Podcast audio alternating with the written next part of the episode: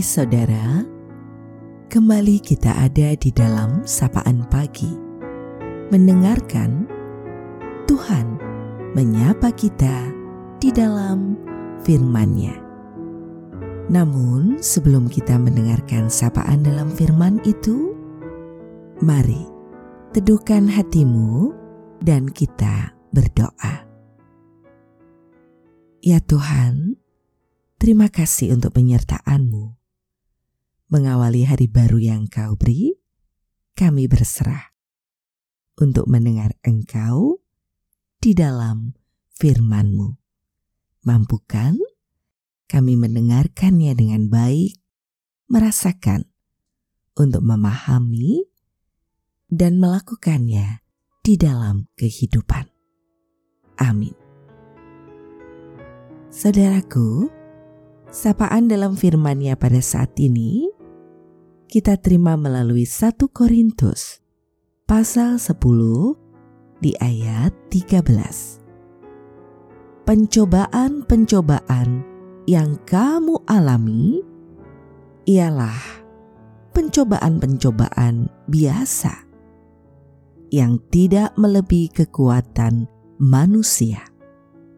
Sebab Allah setia dan karena itu ia tidak akan membiarkan kamu dicobai melampaui kekuatanmu pada waktu dicobai, ia akan memberikan kepadamu jalan keluar, sehingga kamu dapat menanggungnya. Kita akan refleksikan dalam tema kekuatan dan jalan keluar. Dalam hidup ini, persoalan dan kesulitan sering datang secara bergantian bahkan tak jarang datang pula bersamaan. Apa pun yang terjadi, Tuhan tidak membiarkan kita dicobai melampaui kekuatan kita. Dan saat pencobaan itu datang, Dia akan memberikan jalan keluar. Dia tak tinggal diam. Seberat apa pun beban hidup yang kita alami, percayalah, selain kekuatan untuk menanggung situasi yang terjadi, Tuhan pasti memberi solusi. Tetaplah berjuang, disertai sikap hati yang sabar.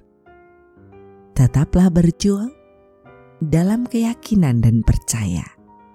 Rengkuhan cinta dan kasih Tuhan menopang menguatkan, dan memberikan penyertaan senantiasa. Saudaraku, jalani hari-harimu dengan penuh semangat, penuh sukacita, dan belajar menjadi berkat. Kita akan akhiri sapaan pada pagi hari ini dan mari kita berdoa. Kaulah ya Tuhan sumber kehidupan kami. Setiap hal yang terjadi dalam hidup tak pernah lepas dari jangkauan kasih-Mu. Penyertaan-Mu senantiasa, dikala suka dan duka.